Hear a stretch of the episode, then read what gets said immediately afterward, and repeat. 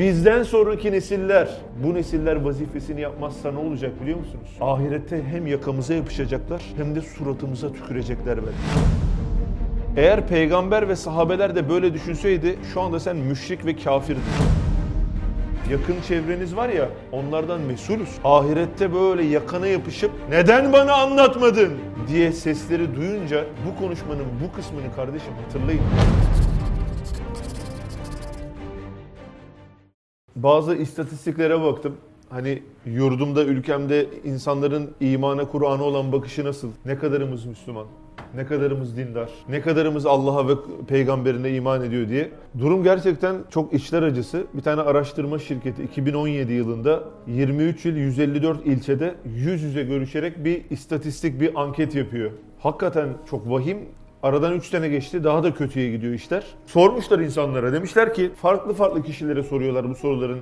Hepsi aynı kişiye sormuyorlar. Allah'ın varlığına inanıyor musunuz? Birliğine inanıyor musunuz? Allah'ın bizi yaratıp yaşattığına inanıyor musunuz diye sormuşlar. İnsan ne bekliyor?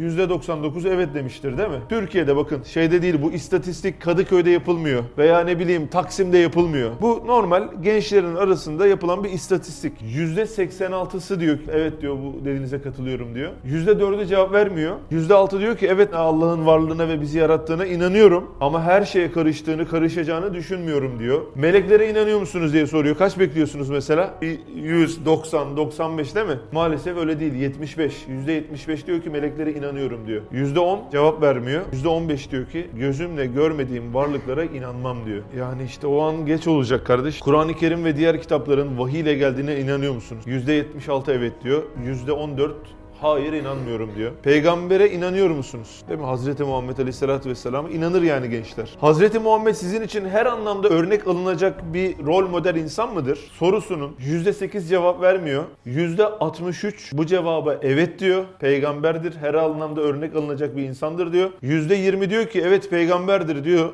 Ama öyle örnek alınacak, her alanda örnek alınacak birisi değildir diyor. %9 direkt ben inanmıyorum peygamber olduğuna diyor. Yani bazen anlamıyorlar abiler, kardeşler. Ne yapıyorsunuz siz burada? Bu kadar genç toplanmışsınız. Yani yoldan geçen biri mesela sizi böyle görse ne düşünür acaba? Bu kadar insan ne yapıyorlar, ne ediyorlar? Şu kafada maalesef birçok insan kardeşim kitabını oku, Kur'an'ını oku evinde, namazını kıl. Daha ne istiyorsun? Hiçbir şeye karışma. Eğer peygamber ve sahabeler de böyle düşünseydi şu anda sen müşrik ve kafirdin. Yani yaymasalardı değil mi? Böyle bir gayretin içine girmeselerdi. Ya bizim rol modelimiz kimdir? Hazreti Muhammed Aleyhisselatü Vesselam'dır. Onun sahabeleridir değil mi? Onlar ne yapmışlar? Kanlarının son damlasına kadar bu mücadele içinde koşturmuşlar. Yani İslam'da tebliğ diye bir şey var. İman kurtarma hizmeti diye bir şey var. Ama şöyle bir kafaya girmiş. Aman ona bulaşma, aman buna bulaşma. Aman şu FETÖ çıkar, aman bu böyle olur. E ne yapalım o zaman? Herkes çekilsin evine. Herkes evine çekilince işler düzelecek mi zannediyorsun? Biz hayatın her yerinde, sınıfından, okulundan, işine her yerine kadar dini anlatmakla, İslam'ı anlatmakla mükellefiz. Canım kardeşim birileri sana anlatmıyor olsaydı, her şeyden bir haber olsaydın acaba bugün burada mıydık? Anlatabiliyor muyum? Ya baksanıza ihtiyaç var mı yok mu? Allah'ınızı severseniz ya. Peygambere inanıyor musun? Rol model midir senin için? Hadi %8 cevap vermemiş, çekilmiş. %63 evet diyor. %20 peygamberin rol model olacağına inanmıyor. %9 direkt inkar ediyor. Sonra devam ediyor. Dur bitmedi. Kadere diyor. İnanıyor musunuz? Hayır ve şerrin Allah'tan olduğuna inanıyor musunuz? İnanıyoruz değil mi abiler? Ben şimdi bu istatistiği görünce buradan bile korkmaya başladım ya. İnanıyoruz değil mi? Sesiniz biraz zayıf geliyor. Var maşallah. Ne kadar vahim olabilir? %5 cevap vermiyor buna. %95'in içinden sadece bu soruya evet diyenlerin sayısı %55. Bir şey soracağım ya. Şu arka önde klimanın önünde oturan ismini unuttuğum uzun süredir gelmeyen arkadaş. Adın ne senin? Eyüp kadere inanıyor musun? Niye durdun bir saniye? Kardeşim %55 evet diyor. %15 ne diyor biliyor musun? Evet kadere inanıyorum ama insan kendi kaderini kendi yapar. Yani Allah'ın benim üzerimde bir şeyi yoktur diyor. %10 da diyor ki ne kaderden hiçbir şeye inanmıyorum diyor. Öldükten sonra dirileceğiz mi beyler? Evet diyenler sizin gibi düşünenlerin sayısı %73. %10 öldükten sonra dirilebileceğine mi inanıyorum ama hesaba çekilmeyeceğim diyor. %9 onu sana gösterecekler. Kimdi o? Ahirette melekler soracak. Kimdi o ben öldükten sonra dirileceğim ama hesap mesap ben böyle şey inan. Kimdi onlar filan diye böyle bir sorduğu zaman ya vallahi öyle demek istemedik ya. Hayır öldükten sonra dirileceğime inanmıyorum diyenlerin sayısı da epey var. Bir tane çok ilginç bir soru var. Allah'ım ya Rabbim kafayı yiyeceğim ya. Diyor ki ölseniz diyor şu anda ölseniz ve cennete gideceğiniz kesin olsa. Selim abi şu anda ölsen cennete gideceğin kesin olsa ne dersin abi? Hadi gidelim dersin değil mi? Der misin ya hanım bekler evde ekmek bekler çoluk. Abi cennet demezsin değil mi? Selamünaleyküm dersin. Hadi nereye gidiyoruz? Nereye imza atıyoruz falan dersin. Gidersin. Ben mesela bu soruya şey bekliyorum. Hani %99 evet şu anda öleceğinde cennet diye bir yere gideceğim kesin olsa %99 evet bekliyorsun değil mi? Evet sayısını söylüyorum kardeşim sana. %15. %65 diyor ki hayır. Manyak mısın lan? Ya ölüyorsun bak kapattın hop cennet. Cehennemden kurtulmuşsun. Dünyanın çeki, senedi, ayrılığı, parası, pulu, her şey sıkıntısı bitmiş cennet. İstiyor musun? İstemiyor. Niye biliyor musunuz? Bakın ayeti kerimeyi tefsir ediyor bir yerde Bediüzzaman Hazretleri. يَسْتَحِبُّونَ حَيَاتَ dünya alel ahire. Yani onlar diyor ahireti bildiği halde dünyayı tercih ederler. Ayetini tefsir ederken diyor ki bu asrın bir hastalığı şudur diyor. Ahireti bildiği halde dünyayı tercih etmek. Ahiret elmas gibi düşün kardeşim. Dünyayı cam şişesi gibi düşün. Elmas mı? Cam şişe mi? Hangisini istersin sorusuna insanların cam şişeyi isterim. Çünkü cam şişeyi şimdi veriyorsun. Elmas sonra belki diye cevap verdiğini görüyoruz ve bu hastalığın içinde bizler de varız. O yüzden en son teheccüde ne zaman kalktığını hatırlamıyorsun. O yüzden bir sürü kaza namazlarım var. Sen de bu tercihi yaptın. Dedin ki cam şişelerini istiyorum. Ahiretin elmasları sonra kılarım. Allah affeder. Ama bu istatistik beni şaşırttı. Birisine bir, insanın yapabileceği en büyük iyilikleri bir düşünsenize. Sen en yakın arkadaşın kim senin? Sen söyle. Beraber misiniz? Ne yapsan çok sevinir mesela? Ne hediye alsan çok sevinir? Beyaz Şahin, Ferrari.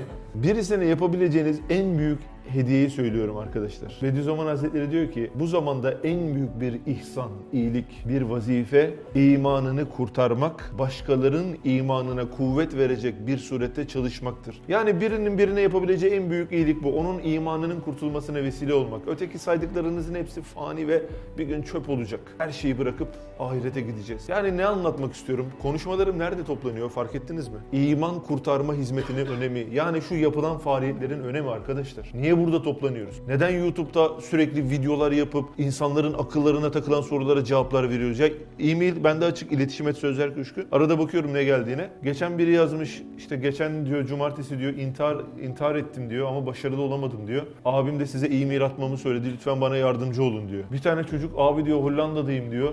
Benim diyor bir sıkıntım var işte e, namaza başlıyorum senin sohbetlerinde ama diyor bir uyum var diyor bırakamıyorum diyor. Ben Hollanda'da uyuşturucu satıcısıyım abi diyor. Ama diyor paramı diyor helal yoldan kazanmak istiyorum abi dua et filan diyor. Ya ne olmuş asır o kadar çalkantılı ki şimdi neler var değil mi bu asırda? İşte bir dostunuz, bir kardeşiniz varsa ona yapabileceğiniz bundan daha büyük bir iyilik yok arkadaşlar. Bir adamın seninle imana gelmesi sana sahralar dolusu kırmızı koyunları sadaka vermekten daha hayırlıdır. Başka bir hadiste Efendimiz buyuruyor ki aleyhissalatü vesselam bu da hadis. Bir kişinin seninle imana gelmesi güneşin üzerine doğup battığı her şeyden daha hayırlıdır diyor abi. Güneşin üzerine doğup batmadığı ne var şu dünyada ya? Her şeyden daha hayırlıdır diyor. Bu bizim en önemli işimiz iman kurtarma hizmeti. Öyle evlere kapanmak. Ya abi ben kendi kitabımı okurum, kendi namazımı kılarım. Kardeş ne zannediyorsun? Din şu mu? Namaz kıl, Kur'an oku bitti. Okuduğun Kur'an-ı Kerim'in içinde ne yazıyor? Bakmayacak mısın? Tebliğ etmen söyleniyor. Yani bu ne Arapçasından oku tamam cennete.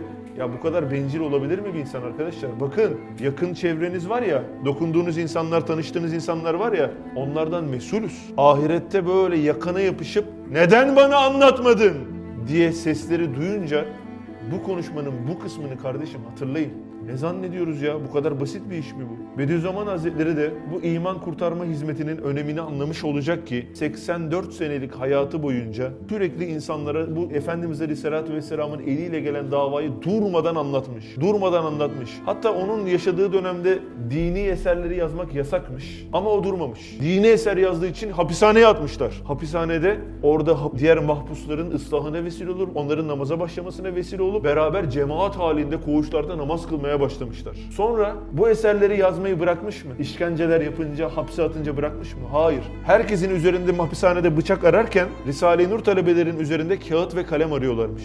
Niye? bir tane daha eser yazmasınlar. Dinsizlerin sorularına cevaplar vermesinler. Efendimizin hakkaniyetini anlatmasınlar diye. Onlar ne yapıyormuş biliyor musun? Sigara içen mahpusların sigaralarını alıyorlarmış. Diyorlarmış ki bize şu sigaranın kağıdını verir misin? Biz üstadımıza Risale-i Nur yazdırmak istiyoruz diye. Yani şu okuduğunuz kitaplar sigara denilen şeyin kağıdı çıkartılarak çok zor şartlar altında yazılıp bir şekilde dışarıya atılarak matbaaya gidip basılarak bize gelmiş. Yani eğer bizden önceki silsileler bu iman kurtarma hizmetini yapmamış olsalardı bizim şu anda yaptığımız şeyler çok farklı. Bütün gücümüzle cehenneme doğru belki de depar atıyorduk arkadaşlar. Peki bizden sonraki nesiller bu nesiller vazifesini yapmazsa ne olacak biliyor musunuz? Ahirette hem yakamıza yapışacaklar hem de suratımıza tükürecekler belki. Yazıklar olsun size. Siz misiniz bizim ecdadımızla olan bağımızı kesen, arada gelen mahluklar sizler misiniz diye bizim suratımıza tükürecekler. Ve belki de bu acı manzara Cenab-ı Hak hani el ceza min cinsül amel var ya ceza amelin cinsinden gelir. Belki de sen elini gevşettiğin için ya ne, ne gerek var ya işte takılıyoruz dediğin için belki de Allah seni evladınla imtihan edecek. Geçen bir tane böyle birisinin imtihanına şahit oldum. Evladı diyor babasına, baba diyor ben evrime inanıyorum diyor. Evrim mantıklı diyor. Düşünsene ya bir baba bazen ateist oluyor. Baba bu çok dindar. Hani alimden zalim, zalimden alim kaidesi var ya bazen olabiliyor. Çocuğunu anlatıyor, anlatıyor, anlatıyor, anlatıyor. Yok. İşte bu hakikatler bu işe yarıyor kardeşlerim. Şimdi Bediüzzaman Hazretleri'nin biraz ruh halini anlayalım mı? Şimdi okuyacağım yerler durmadan hapishaneye atılan, işte zehirlenen, daha sonra tedavi olduktan sonra tekrar hapishaneye atılan bir adamın ruh hali. Bana diyorlar ki sen şuna buna niçin sataştın? Farkında değilim. Karşımda müthiş bir yangın var. Alevleri göklere yükseliyor. İçinde evladım yanıyor, imanım tutuşmuş yanıyor o yangının içinde. O yangını söndürmeye koşuyorum, imanımı kurtarmaya koşuyorum. Ben koşarken yolda biri beni kösteklemek istemiş. Ayağım ona çarpmış. Ne ehemmiyeti, ne önemi var bu olayın? O müthiş yangın karşısında bu küçük hadise bir kıymet ifade eder mi? Dar görüşler, dar düşünceler. Beni nefsini kurtarmayı düşünen hodgan bir adam mı zannediyorlar? Ben cemiyetin imanını kurtarmak yolunda dünyamı da feda ettim, ahiretimi de. 80 küsür senelik bütün hayatımda dünya zevki namına bir şey bilmiyorum. Bütün ömrüm harp, savaş meydanlarında geçti. Esaret zindanlarında geçti. Yahut memleket hapishanelerinde, memleket mahkemelerinde geçti. Çekmediğim cefa, görmediğim eza kalmadı divan harplerde, o mahkemelerde bir cani, bir cinayet işleyen bir adam gibi muamele gördüm. Bir serseri gibi memleket memleket sürgüne yollandım. Memleket zindanlarında aylarca ihtilattan, görüşmekten men edildim. Defalarca zehirlendim. Türlü türlü hakaretlere maruz kaldım. Zaman oldu ki hayattan bin defa ziyade ölümü tercih ettim. Eğer dinim intihardan beni men etmeseydi belki bugün Said toprağın altında, topraklar altında çürümüş gitmişti. Yani bir insanın gelebileceği en son sınır bu cümle herhalde. Öyle bir acı, öyle bir sıkıntı çekmiş ki. Yani o zamanda yaşayan sadece Bediüzzaman değil birçok İslam alimlerine bu, bu tarz şeyler olmuş maalesef. İşte onlar hani evet Allah Resulü Aleyhisselatü Vesselam'dan beri gelen o Habdullah, o ip devam etmiş. Ama o dönemde böyle bir incelmiş. Çok az alimin sırtından devam etmiş. Özellikle hilafetin kaldırılmasından sonra böyle bir boşluk oluşmuş. Yani hem İhvan-ı Müslümin hareketi Mısır'da çıkmış, hem Risale-i Nur hareketi çıkmış, başka akımlar da çıkmış. O ip incelmiş, incelmiş, incelmiş, incelmiş. Şimdi elhamdülillah eskiye göre daha iyi, biraz daha kalınlaşmış. Sonra o dönem geçmiş. Ne gelmiş? Artık bizi içimizden oymaya başlamışlar. Yani bir Hristiyan diyelim mesela anlatıyor, anlatıyor, anlatıyor. Adam daha da güçleniyor. Ne yapalım? İçeriden oyalım. Yani televizyonla, çıplaklıkla, medeniyet fantazileriyle, boş işlerle, ne bileyim bir Netflix'le, bir Spotify'la, şunla bununla onu bir uyutayım. Böylece bana karşı gart almasın, savaşa girmesin, mışıl mışıl uyusun. Medeniyet fantazileri hayatını bitireyim, onu bir İslam mücadelesinden, mücahidlikten çıkartayım diye bir plan yapmışlar. Belki de hepimiz bu planın bir parçası olduk. Hepimize bu plan uygulandı. Çünkü en az hayatımızın 3-5 senesini bunlarla heba ettik abiler. Belki daha da ediyoruz. Allah muhafaza etsin ya.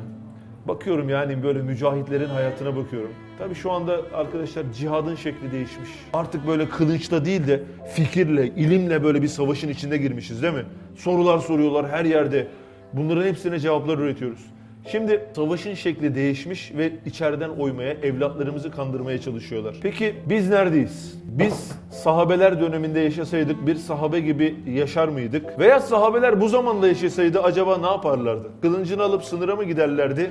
Yoksa YouTube'a girip video mu yaparlardı? Arkadaşlar Risale-i Nurlar yazıldığı dönem itibariyle biliyorsunuz yasaklı eserlermiş o zaman. Şu an elhamdülillah bir sıkıntı yok. Yasaklı eser. Ne anlatıyor? Eyüp ne var bu kitapların içinde?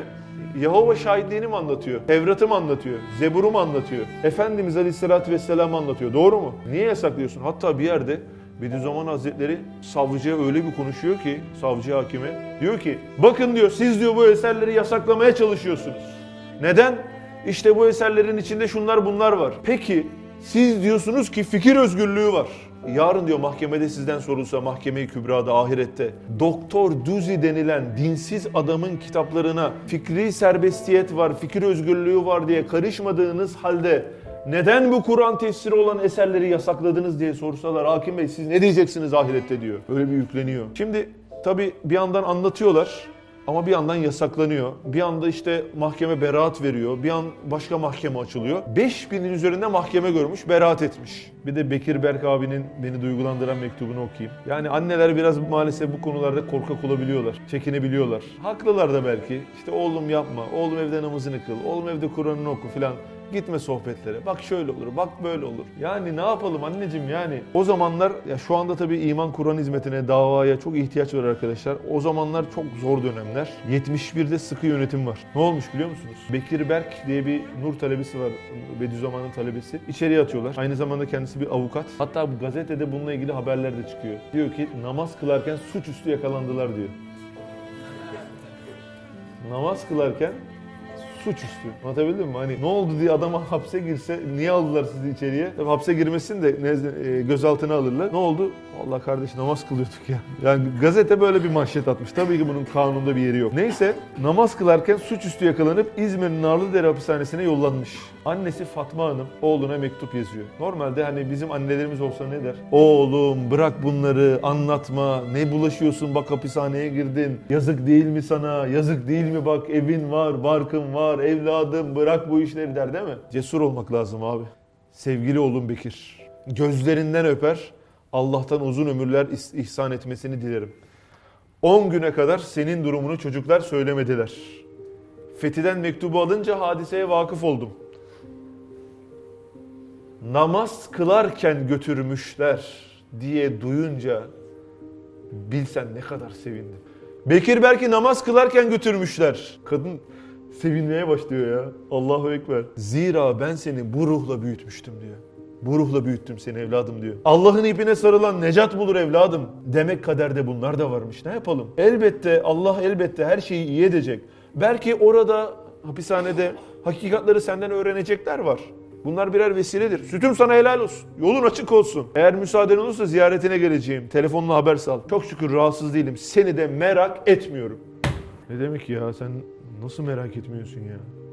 Nasıl bir ruh ya? Nasıl bir dava ruh? Çünkü ben seni Allah'a vermişim. Ona havale etmişim. Maraşel Çakmak hadisesinde nasıl metinsen şimdi de ondan 100 derece metin olmanı istiyorum. Davan haktır. Allah doğruların yardımcısıdır. Ben hepinize dua ediyorum. Elimin zevali lezzet olduğunu unutma. Tekrar selam ile gözlerinden öperim. Nasıl bir ruh? İnsan insan okuyunca kendi ruhsuzluğuna üzülüyor. Kendi şuursuzluğuna üzülüyor. Yani şu anda böyle bir durum mu var kardeş? Dini anlatınca seni hapse mi atıyorlar? Şu an bizi engelleyen ne var ya? Nefsim var kardeş. Nefsimizin kulu kölesi olmuşsak eğer Allah bunun hesabını sorar. Evet belki putperestlere bakınca ulan salak mıymış lan bunlar? Bir putu alıyorlar kendileri yapıyorlar tapıyorlar diyorsun ama belki de senin putun var kardeş. Senin putun belki de izlediğin diziler, 5 sezonluk bitirmiş olduğun dizi. Belki de senin putun gayrimeşru sevdan. Belki senin putun dünyevi fantezilerin, senin putun senin nefsin, senin zevklerin, seni bu davayı Kur'an'dan alıkoyan ne varsa belki de sen de ona tapıyorsun. Yok mu ihtiyaç yok mu arkadaşlar? Ben eve gitmek isterim. Bırakalım bu işleri ya. Ne işimiz var lan burada? Oturmuşuz, toplanmışız, 200 kişi burada sohbet yapıyoruz. Gidelim herkes evine gitsin ya. Böyle olursa evlatlarınız dünyaya geldiği zaman dünyada büyüdüğü yer cehennem olur. Cehennemin içinde de evladımı ateşe bulaşmadan büyütmek zordur. İşte bütün verilen mücadele bu. İşte YouTube videolarının amacı bu. Anlatabiliyor muyum? Burada herkes gönüllülük esasına göre bir mücadele veriyor. Siz de hayatınızın bir yerinde nerede olursanız olun abiler, kardeşler o gün Nasıl zorsa bugün de işin zorluğu değişmiş. Artık insanların zevkleri ve nefisleriyle kapışıyoruz. Her zamankinden çok davaya ihtiyaç var. Hayat bu değil abiler. Hayatımız imanla güzel, Kur'an'la güzel, davayla güzel. Biz böyle elhamdülillah ben 20 yaşlarında tanıdım bu hakikatleri. Yaşım 35. O gün bugündür koşturuyoruz, mücadele veriyoruz. Burada böyle çok ihlaslı 35-40 tane medrese talebesi kardeşim var. Onlar da anlatıyorlar, koşturuyorlar. Sizin gibi böyle gelen giden abiler de bu meseleden tamamen uzak değil. Hepsi şuurlu, eminim iş yerinde, sağda solda her yerde tuttuğunuzu anlatıyorsunuz. Dışarıdan bakınca şöyle duruyor abi. Ya vay be adamlar ne ihlaslı ya. Sabah akşam koşturuyorlar zor şartlar altında. Durum aslında öyle değil. Biz bu işten o kadar keyif alıyor, o kadar lezzet alıyoruz ki hiçbir ücret karşılığında olmadan bu işi yapmaktan öyle bir keyif alıyoruz. Allah öyle bir lezzet veriyor ki tam tersine belki bu benim ihlassızlığıma delildir. Çünkü Allah bunun keyfini, lezzetini, şevkini vermese belki de yapmayacağım. Belki de o yüzden Allah zevkini, şevkini veriyor. Çıkıyoruz, anlatıyoruz. Çocuklara hadi kameralar alın bakalım. Ee, Ortalık karıştı. YouTube'da trendlerde bir tane menfi fikirli bir video girdi. Ona cevap vermemiz var deyince kameraman da heyecanlanıyor, montajcı da heyecanlanıyor, konuşmacı da heyecanlanıyor. Çıkıyoruz, anlatıyoruz, anlatıyoruz. Keyif alıyoruz, zevk alıyoruz. Bazen çıkıyoruz Avrupa'da, bazen çıkıyoruz Türkiye'nin muhtelif yerlerinde. Şehir şehir dolaşıyoruz, anlatıyoruz. Hatta en son çıktığımız Avrupa turunda 4 kişiyiz arabada. Dedim ki abiler, kardeşler dedim. Ama o kadar keyifli, o kadar lezzetli ki anlatamam size. Dünyanın en büyük lezzeti nedir e, diye sorsanız e, herhalde Rabbini anlatmak, Rabbin için mücadele etmek birinci sırada gelir. Ben de dedim ki onlara bakın dedim abiler güzel bir şey yapıyoruz. Çok keyifli, çok zevkli. Hakikaten Amsterdam'da seminer vereceğiz mesela şehre girerken açıyoruz böyle şeyler, Kur'an-ı Kerimler, mehterler, Ceddin deden diye Amsterdam'a giriyorsun abi düşünsene. Ya bıraksalar böyle fethedeceğiz yani. Neyse seminer yapıyoruz. Orada bir sürü insanın hayatı değişiyor. Namaza başlayanlar, tesettüre girenler hop diğer şehre, hop diğer şehre. Döndüm dedim ki bakın dedim ahirette sevaplar sayılırken bu kısmı hiç görmeme ihtimalimiz var dedim. Tabii şaşırdılar. Niye yani? Orada ciddi bir efor bir gayret var. Zerre kadar sıkılmadan, keyifle, lezzetle, şevkle biz bu işi yapıyoruz. Dolayısıyla işin içinde çok ihlas yok. Çok böyle zorlanacağımız bir şey yok. Allah benzini veriyor, arabayı itekliyor, araba gidiyor. Biz böyle arabanın içinde duruyoruz. Sadece tek yaptığımız bir şey var. İstemek. Allah'ım bizi davayı Kur'aniye'nde istihdam eyle. Allah'ım bizi koşturt. Allah'ım bu mücadelenin içine bizi dahil et. Diye Allah'tan istiyoruz ve her şeyi Allah yapıyor. Dolayısıyla biz şu anda çok ihlaslı bir şey yapmıyoruz. Hani bazen oluyor. Mesela tadilat süreci başlıyor. Burada mesela yaklaşık 45 günlük bir tadilat süreci oldu. Burada işçilerle birlikte yatıyoruz, kalkıyoruz, boyaya giriyoruz, badanaya giriyoruz. Meşakkat sıkıntısı oluyor. Ama çoğu zaman çok zevk ve lezzet alıyoruz. Bunu size niye söylüyorum biliyor musunuz? Dışarıdan bakılınca nasıl bilmiyorum. Ama içerisi çok keyifli. İçerisi çok lezzetli. Hiçbir ücret almadan, hiçbir ücret karşılığında olmadan Rabbini anlatmak, insanların kelime-i şehadet getirmesine vesile olmak, insanın abi ben namaz kılmaya karar verdim demesine vesile olmak dünyanın en güzel haberi. Bu zamanda en büyük bir ihsan neymiş abi? İmanını kurtarmak ve başkalarının imanına kuvvet verecek bir şekilde çalışmak, mücadele etmek. Dünyada bundan daha büyük bir lezzet yok. İnşallah bu şey değil, illa buraya gelin gidin meselesi değil. Bulunduğunuz yerlerde ehli sünnet olmak şartıyla kim Allah diyorsa bir ekibin içine, bir davanın içine mutlaka dahil olun. Mahallende oturan 2-3 tane komşunla bir araya gelip ev dersi yapman da buna dahildir. Hani şey değil, işte illa bir cemaate gidin kayıt yap öyle değil. 3 kişi ya 4 kişi. Ahmet abi pastaları poğaçaları aldık çocukları alın gelin beraber ders yapalım evde. Bu abi bu. Ama tek kalmayalım ne olur tek kalmayalım. Neden biliyor musunuz? Çünkü bize hücum eden küffar, bize hücum eden fikri akımlar tek başına hareket etmiyorlar.